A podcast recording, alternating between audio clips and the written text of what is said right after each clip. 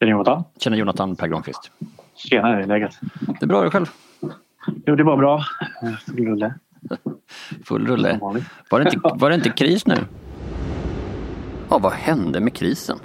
Hur kan det komma sig att mitt i krisen är det så många företag som upplever att de jobbar mer än någonsin?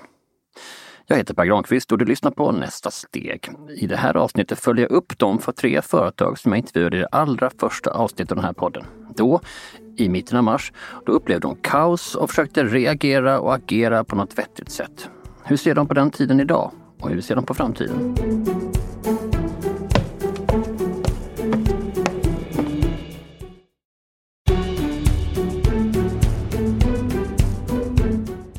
Så det här är alltså en fortsättning, två månader senare.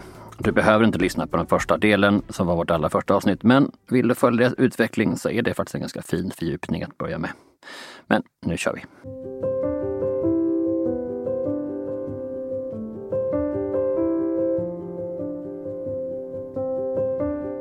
Hur upplevde du egentligen de där första krismånaderna? Alltså det var ju väldigt mycket, vad ska man säga, fear driven skulle jag vilja säga. Eftersom ingen visste vad som skulle hända. Alla trodde ju att liksom, nu kommer allting liksom braka lös, allting stänger. Det som hände oss var ju att alla våra klienter började stänga ner våra program eftersom vi levererar väldigt mycket live. Vi har vår konsult som vi skickar runt över hela världen och de uppdragen stängdes ju ner. min största prio var ju att hitta liksom hur kan vi generera nya intäktsströmmar för att vi gick från 100% till 10 kanske i vår årsbudget, vilket var lite läskigt. När en sån sak händer, vad, hur, ja. vad, vad, händer liksom inom dig då? Blir du fokuserad? Blir du rädd? Blir du... Alltså, jag, det är kanske är sjukt att säga men ibland så trivs jag faktiskt i kris för då får man liksom göra lite liksom göra lite annorlunda. Det, liksom, det liksom ruskar ju om en på något sätt och gör att man måste tänka. Man hamnar i någon så här överlevnadsmode. Men jag, alltså jag själv tycker ju att jag är ganska kreativ. av mig, Så jag brukar alltid se liksom vad man skulle kunna göra. Och jag har alltid haft lite så saker i bakhuvudet som jag redan har tänkt på men som absolut inte var prio. Men som faktiskt kunde vara en lösning och prioritet nu när, eh, ja, när, när det fanns möjlighet till det. Förlåt att jag avbryter här men jag vill hålla ett litet tal. För mig är det Jonathan säger här kärnan i entreprenörskap. Eller kanske den inte säger, det som sägs mellan raderna. Äh, du fattar. Vi har alltså en global pandemi, men vad som sprider sig ännu snabbare än viruset är oron. Folk bokar av, stänger ner, stannar upp, stannar hemma. Det vi tog för givet i början av februari är inget som stämmer längre i början av april. Och när många talar om det så tänker många företag som Jonathan. Vi lyssnar igen. Då får man liksom göra lite liksom göra lite annorlunda. Det, liksom, det liksom ruskar ju om en på något sätt och gör att man måste tänka. Då får man göra annorlunda. Inte sluta göra, men göra annorlunda. Inte sura, inte bli arg, inte gråta. Eller kanske, jo förresten, men, men framförallt inte stanna upp. Baksidan är förstås att man får jobbigt att sova, att tankarna snurrar för man tänker på så många olika saker som kan hända. Min egen förmåga att lista ut olika möjligheter för mitt företag, för vad vi vet, att en gång bli det stora kommersiella public service-företag som jag drömmer om, den förmågan har under de senaste två månaderna använts till att upptäcka olika sätt som det kan gå åt helvete på. Och det har gjort lite svårt att sova även för mig. Men samtidigt, vilken företagare har inte haft det? Jonathan Yukawa har haft sina sömnlösa nätter han också. Han leder både den svenska och den internationella verksamheten för Oxford Leadership. Ja, det här är de som hjälper företag med att utbilda ledare och anpassa sig för förändringar. Nu befinner de sig själva i en av de största förändringarna vi sett i vår generation. När Jonathan och jag pratades vid för två månader sedan så var det söndag och han och hans ledningsgrupp hade jobbat hela helgen med att ta fram en ny strategi. Hur togs den emot av personalen? När vi pratade var det söndag och du hade suttit och jobbat hela helgen och så skulle ni på måndag bara ta hur gick det? Jo, men jag tror faktiskt den var väl mottaglig för att de som inte jobbar med det här eller de som liksom inte ser möjligheterna på samma sätt som jag gör, de var ju panikslagna för att de såg ju liksom deras inkomst gick ner till noll. Mm. Så på något sätt så tror jag faktiskt att de var lättade över, över det. Jag låg i steget före för att jag hade jobbat med det innan. Jag fick ju mer hjälp än vad jag någonsin skulle ha fått. För folk hade ju mer tid. Folk satt liksom hemma. Eh, folk hade inga uppdrag. Och helt plötsligt var alla mer villiga att liksom bidra till utvecklingen av de här projekten som jag jobbat med som handlar om såklart digitalisering men att liksom kunna leverera online. Sist sa Jonathan, ja ganska tvärsäkert faktiskt, att han skulle veta om strategin funkar inom en månad. Blev det så?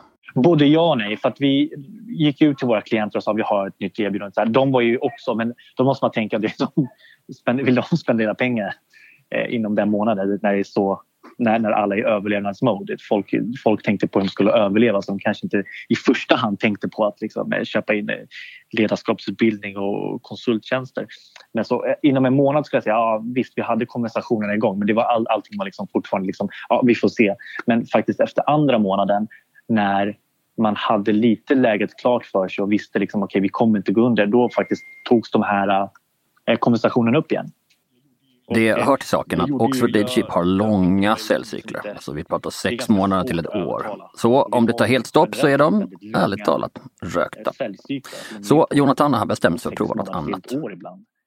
Så tänkte jag, hur kan jag liksom skynda på de här? Och då tänkte jag, vi får faktiskt eh, applicera en lite mer givande approach. Så vi öppnade upp de här programmen. Så jag byggde liksom en, en light-version ska man säga av vårt erbjudande. Så, så har vi faktiskt erbjudit det gratis till alla. Och då har vi liksom promotat det till alla i organisationen och alla liksom, så att alla kan göra det. Så får de liksom prova istället och se att det funkar innan de ens tar beslutet. Och det, det verkade funka för nu har vi väldigt mycket nya konversationer eh, som, som har kommit, kommit tillbaka på, på det. Och vi har, liksom, vi har några nya liksom, projekt. Bra där. Men räcker det för att de ska överleva? Ärligt talat är jag ganska skeptisk till om de här har framtiden för sig icke-kritiska produkter som tar lång tid att sälja in låter ju inte som världens starkaste idé just nu. Så jag frågar Jonathan om det här, om än lite inlindat. Du pratade också om att ett erbjudande ni haft handlar om liksom förändring, change management, eh, förbereda ja, sig inför förändring, att liksom man måste vara förberedd precis. innan någonting händer. Och när ja. du sa det så tänkte jag att ja, den affären lär ju vara död. Uh, för nu har skiten hänt. Uh, ingen har förberett mm. sig och nu får man köra. Finns den verksamheten kvar eller är den nu, har den ändrat färg? Och... Den finns faktiskt kvar. Inte i samma utsträckning kanske men mycket handlar om förändring nu och liksom, vi har ju ganska bra track record på att hantera förändring nu som vare sig det är innan eller under. Eller nu som nu, lite efter, lite terapeutiskt kanske? Precis, det här är ju lite efter men det är fortfarande under för väldigt många. Och här har han förstås en poäng. Även efter en oväntad förändring så finns förstås ett behov av att lära sig att hantera den.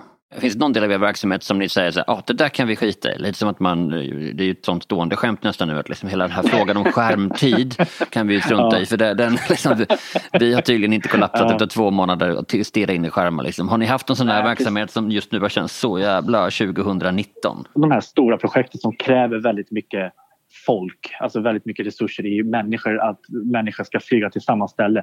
Att vi ska ta ut eh, ett, ett management-team i fyra, fem dagar, flyga några konsulter ut i fyra, fem dagar till en specifik plats för att göra någonting som vi faktiskt kan göra online. Det är ju, inte, det är, det är ju egentligen inte samma upplevelse.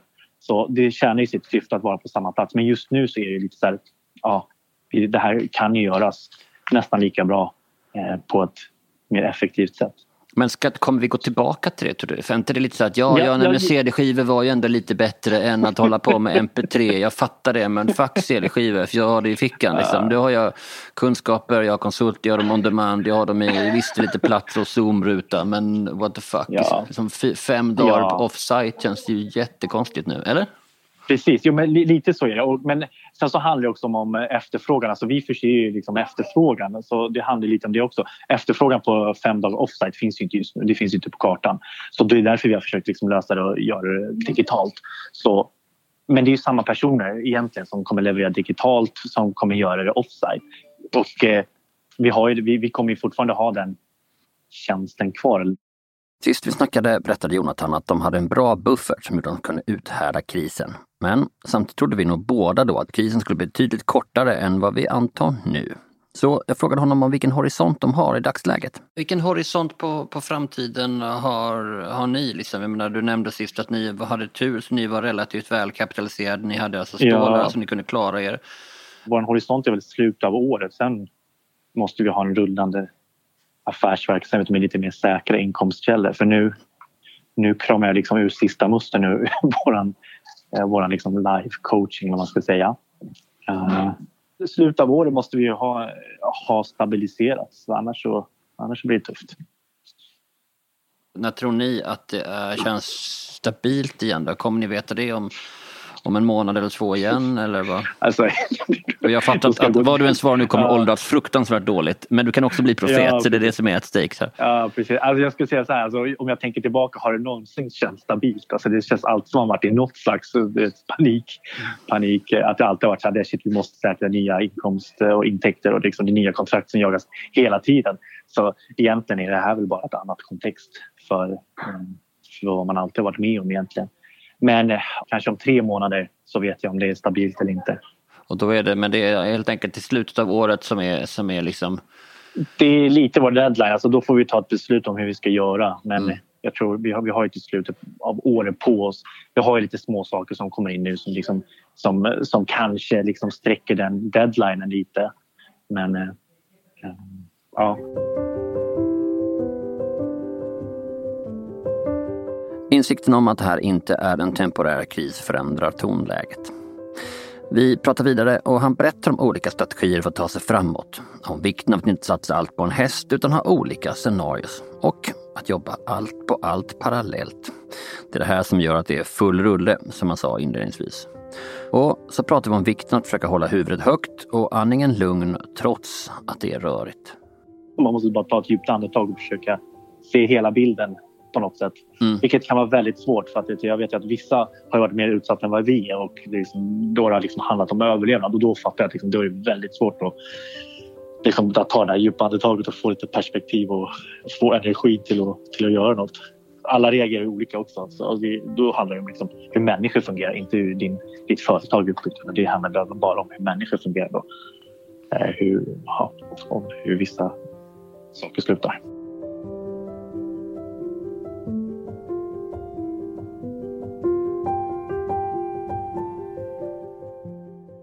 Insikten om att det här coronaviruset kommer att prägla vår vardag som företagare under en lång tid framöver. Ja, det gör också att man inser att det inte bara handlar om att ta sig igenom en jobbig fas. Här, på samma sätt som man vet att ett jobbigt oväder ändå snart går över. Nej, det här handlar om uthållighet. Mer om det efter pausen.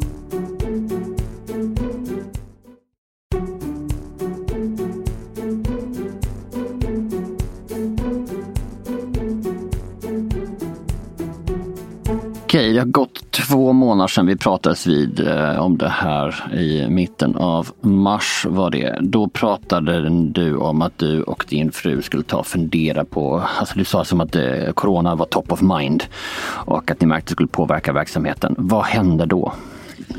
Ja, alltså det som hände var... Det här är Jens Back som klipper den här podden och putsar ljudet och får mig att låta så här bra. Jag bad honom lämna kontrollrummet och berätta vad som hänt sen sist. Det som hände var ju att vårt företag är ju jag och min fru som har det och hon jobbar med reklam och marknadsföring. Och hennes uppdrag försvann på ett bräde i mitten på mars där. Det bara, kalendern rensades verkligen.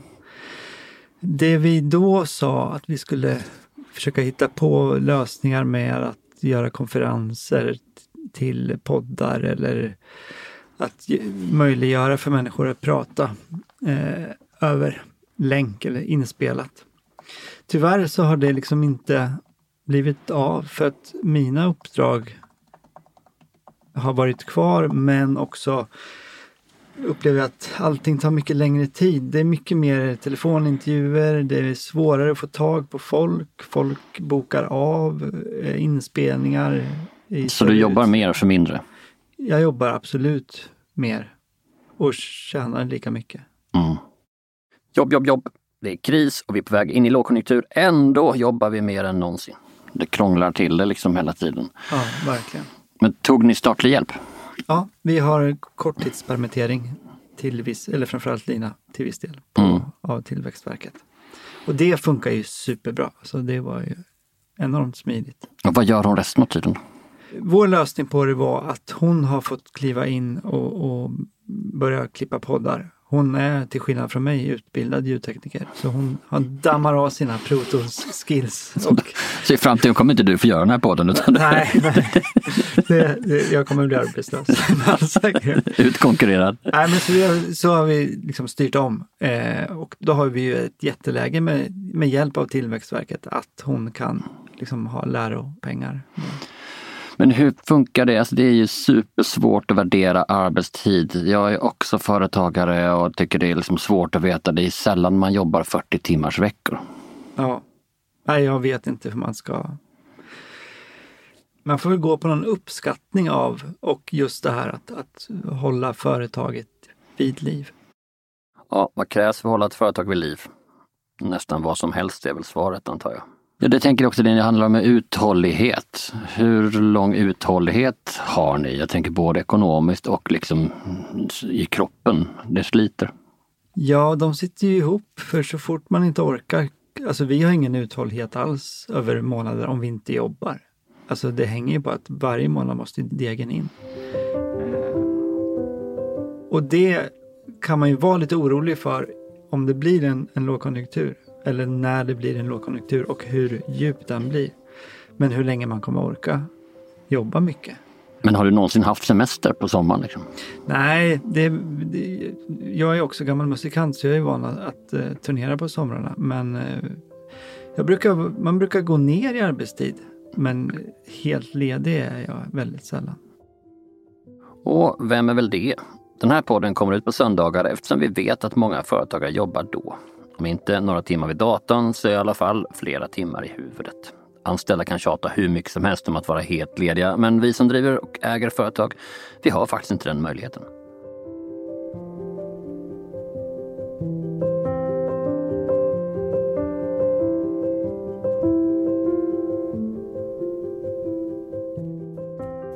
Anna Kleinwitz Magnusson är sällan ledig, men så driver hon två företag med en skrivbyrå med fokus på reklam och en rekryteringsfirma med fokus på kommunikationstjänster. För två månader sedan pratades vi vid sent en söndagkväll och hon berättade då att hon bestämt sig för att hon skulle sänka sina arvoden för att få fart på affärerna. Men det gav faktiskt ingen effekt. Nej, jag har nog kommit fram till att jag tror inte att det är sänkta arvoden som är grejen. Eller jag tror inte det gör någon skillnad. Utan jag tror att problemet är att det är eh, få som vågar anställa just nu. Så det är ju helt klart lugnare. Mm. Ja, det är en underdrift. På sätt och vis är Anna och jag i samma bransch, eller vi lever i alla fall på samma budget, marknadsföringsbudgeten. Och det var en av de allra första posterna som företag strök. Så när någon frågar hur vi på vad vi vet drabbas av krisen, då måste jag svara att den både varit en välsignelse och en förbannelse. Storleken på vår publik har ökat med 40 procent sedan krisen började, men samtidigt har vi tvingat minska vår personalstyrka. Avsluta projektanställningar, uppsägningar av fastanställda. Men jag hade faktiskt inget val. Och för mig personligen har det här varit en av de stökigaste och jobbigaste perioderna i mitt yrkesliv. Samtidigt som publiksiffrorna tagit laget rekord. Jag har aldrig jobbat så mycket som nu och precis som Jens Back pratade om så tänker jag mycket på det här med uthålligheten. Vad tänker Anna om den där tiden nu, två månader senare? Om jag tittar omkring mig så blev det som att eh, det blev lite förlamat där precis i början. Det var bara ett totalt stopp. Liksom, som när det händer något spännande på en scen och publiken håller andan. Liksom. Den känslan. Och nu så har, tror jag, det här konstiga börjat bli någon slags vardag. Eh, folk rör lite på sig. Man inser att det går liksom inte att sluta jobba. Det går inte att sluta upp med allt man har gjort. Eh, och vi har liksom längtat tillbaka till någon slags vardag, är min känsla. Det är acceptansfasen man pratar om. Först är det någon slags akutfas, en acceptansfas. Och... Precis. Och sen en oro inför sommaren. Jag ser det särskilt, alltså, jag har ju många egenföretagare, frilansare omkring mig det är ju inte som att man kanske ser fram emot en lång, härlig och ledig sommar nu, utan det gäller liksom att dra in uppdrag så att man överlever. Notera formuleringen här. Så att man överlever, inte om. Utan att. Fokus framåt. Aldrig stanna upp. Aldrig inte göra något. Jag tror framförallt att det handlar om att folk inte vet vad som ska hända. Alltså vi kanske har råd just nu, men kan vi ens anställa? Och eh, vissa företag kanske har tvingats korttidspermittera till exempel, inte kan anställa. Så att jag tror att eh, vi har kvar våra halvår, halverade arvoden för att vi tänker att det är i alla fall bra att få in liksom, nya samarbetspartners. Men jag kan inte se att det liksom har blivit någon rusning för att det är halva priset. Det blir tyst i studion en stund. Sen ställer jag en fråga som jag vet att hon inte kan svara på, men som jag ändå är nyfiken på att höra henne resonera kring. Hur länge var den här krisen? Hur ser planeringen ut? Liksom? Jag tänker att vi kör fullt ös i mitten av augusti. Ja, allting som vanligt. Då låtsas vi som ingenting har hänt. Nej men, ähm, ja, vad svårt att säga. Min känsla är också att här, liksom, en sån här kris och en sån här paus gör att vissa förlorar jättemycket. Man kan bli av med jobbet. Eh, företaget går i konkurs. Alltså det händer väldigt mycket tråkiga saker. Eh, man kan förlora anhöriga, det är väl det värsta. Men nu, tänker jag, nu tittar jag på liksom affär och verksamhet och glömmer lite allt det fruktansvärda runt omkring. Eh, och då tänker jag att det finns någonting eh, bra i att tvingas stanna upp och fundera över vad man egentligen håller på med. För att jag tror att vi är många som bara springer i vår vardag och eh, vissa kanske inte är helt nöjda med den vardag de har. Och att det nu liksom finns plötsligt en möjlighet att lyfta blicken och drömma lite och jag ser omkring mig i mina flöden, i mina sociala flöden, att folk tar tag i sina intressen, eh, klär om möbler och eh, liksom skapar en ateljé hemma och börjar utöva kreativa sysslor som de har längtat efter. Så att vi ser någon slags backlash som ändå hade kommit men som kanske accelereras nu av att vi var lite för mycket inne i jobbet? Ja, kanske. Jag tror att det kommer att eh, födas nya företagsidéer under den här perioden. Ja, det är jag helt övertygad om också. Så att det kommer en massa nytt snart, mm. vilket ju är jättespännande. Men är vi i en tid där vi börjar se en begynnande optimism eller är det bara en bedarrande pessimism? Jag är optimist, så jag tror att det här blir bra. Mm. Och vad tror du andra mer normalt funtade människor? Jag ser det här också som att vi har skyndat på en annan förändringsprocess som har varit igång ganska länge som har med digitalisering att göra. Där jag tänker på hur många miljarder kronor som har plöjts ner i olika digitaliseringsprojekt eh, som har gått ganska långsamt och som nu på grund av ett virus bara fick sån fart. Nu sitter alla plötsligt hemma och har, eh, liksom är uppkopplade med sina kollegor. Det går att jobba hemifrån, det går att ha möten utan att flyga över hela världen. Det går att göra väldigt mycket saker med den teknik vi har. Och det tror jag också är någonting positivt och kanske att vi eh, liksom i vårt samhälle också tvingas fatta snabbare beslut. Alltså att nu måste vi komma till skott. Liksom. Vi kan inte hålla på och vända papper här och skyffla runt ansvar hur länge som helst, utan nu gör vi någonting. Nu kliver jag in och tar tag i det här, för annars blir det inte bra. Och det tror jag är jättenyttigt för oss. Samtidigt slår krisen hårdare mot enmansföretagare än mot många andra företag. Och detta trots att de jobbar lika hårt som alla andra. Det som är väldigt tråkigt tycker jag, det är att vårt system inte alls är gjort för enmansföretagare. Gig-ekonomin har vi ju hyllat väldigt mycket ja. men den är ju också jättekass. Det är hemskt. Alltså nu är det hemskt därför att... För eh, giggarna. Ja, för har du haft eh, en god tid bakom dig så kan du ju få stöd nu. Men har du inte det, har du kämpat liksom. Du ska kunna ta ut en bra lön de senaste tre månaderna. Har du inte gjort det, då är du helt körd nu. Det finns inga jobb och du får inget stöd överhuvudtaget. Mm. Det är mm. tufft. Vad har du lärt dig om företagande som du inte visste innan? Att eh, det kan vända jättefort. Um... Men är det, är det lärdomen då, det är ju en observation, är lärdomen då att du har, man ska samla ladorna? Ja, vad är lärdomen hittills? Uh, ja, man, ja, det ska man väl göra. Men det tror jag att jag nog har tänkt. Det hör nog lite grann ihop med det här uh, att man vet att det finns nog ingen som tar emot mig om jag faller. Liksom. Eftersom jag är egenföretagare så måste jag fixa det här själv. Jag kan tänka att jag blir lite förvånad över hur känsligt allt är. Alltså jag trodde nog att det skulle finnas ett, ett större, alltså att kanske framförallt stora företag skulle ha större muskler. Anna är ju en ganska peppig typ. Hon har berättat att hon planerar att dra igång saker, att göra projekt som inte blivit av och testa nya idéer. Och det här är sånt jag brukar gå igång på, men när jag nu lyssnar på vårt samtal så hör jag plötsligt hur trött jag låter. Jag har som i stunder också känt så här, man ska lansera nya initiativ och man ska det där och ska, det här är ett nytt bra erbjudande. Men jag vet inte om jag orkar det nu. Nej. Alltså, Det har ju varit ganska mycket på senare tid. Ja.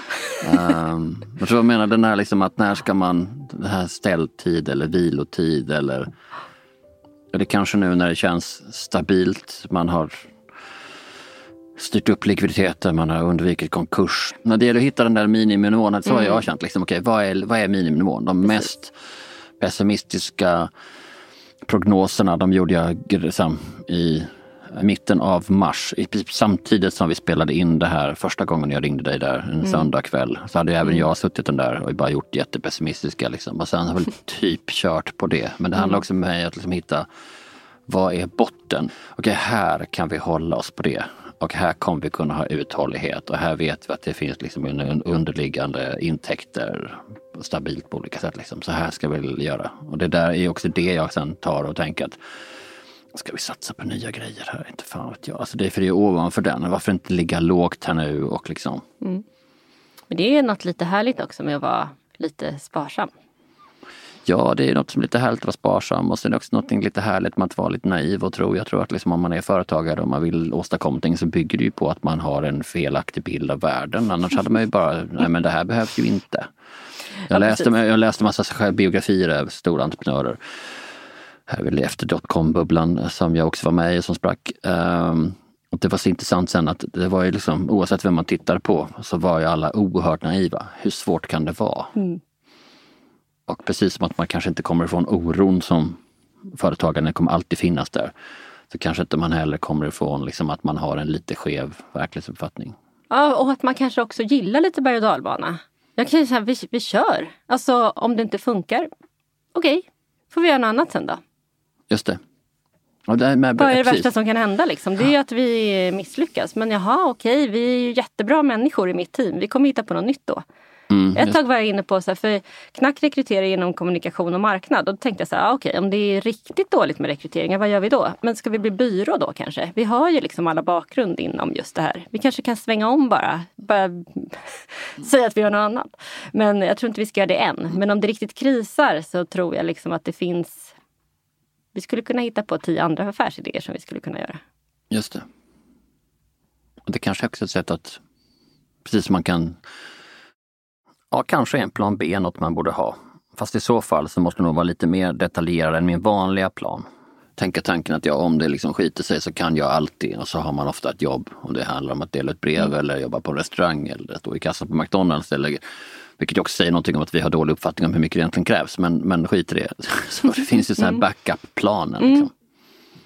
Men jag tycker också att det är intressant Eh, särskilt om man driver ett mindre företag. Eh, eller jag tänker så jättemycket när jag rekryterar till mig själv. Att jag vill ju gärna omge mig med människor som har eh, liksom, egen drivkraft och som är tycker om att testa nya saker och som är nyfikna. Därför att då vet jag att vi alla kommer att utvecklas och vi kanske inte alltid kommer att ha samma roller. Vi kanske byter roller eller företaget kräver att vi tar andra roller.